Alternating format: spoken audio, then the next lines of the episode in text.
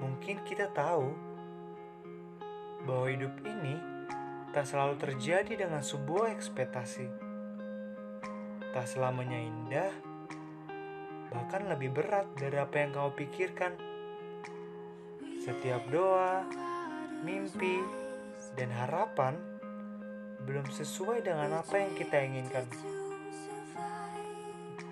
Tiap hambatan datang dengan waktu yang tak diduga, hadir dengan cara yang berbeda, menjadikan kita untuk jatuh oleh keadaan, memaksa kita seperti orang yang tak punya harapan.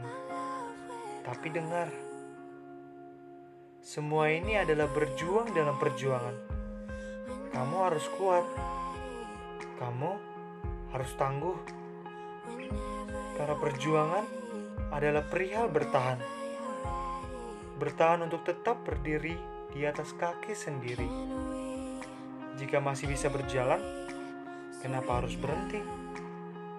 Jika masih bisa berjuang, kenapa harus menyerah? Yang perlu kamu lakukan sekarang hanya terus berusaha. Percayalah Tuhan akan mengabulkan doamu di waktu yang tepat, bukan hanya cepat.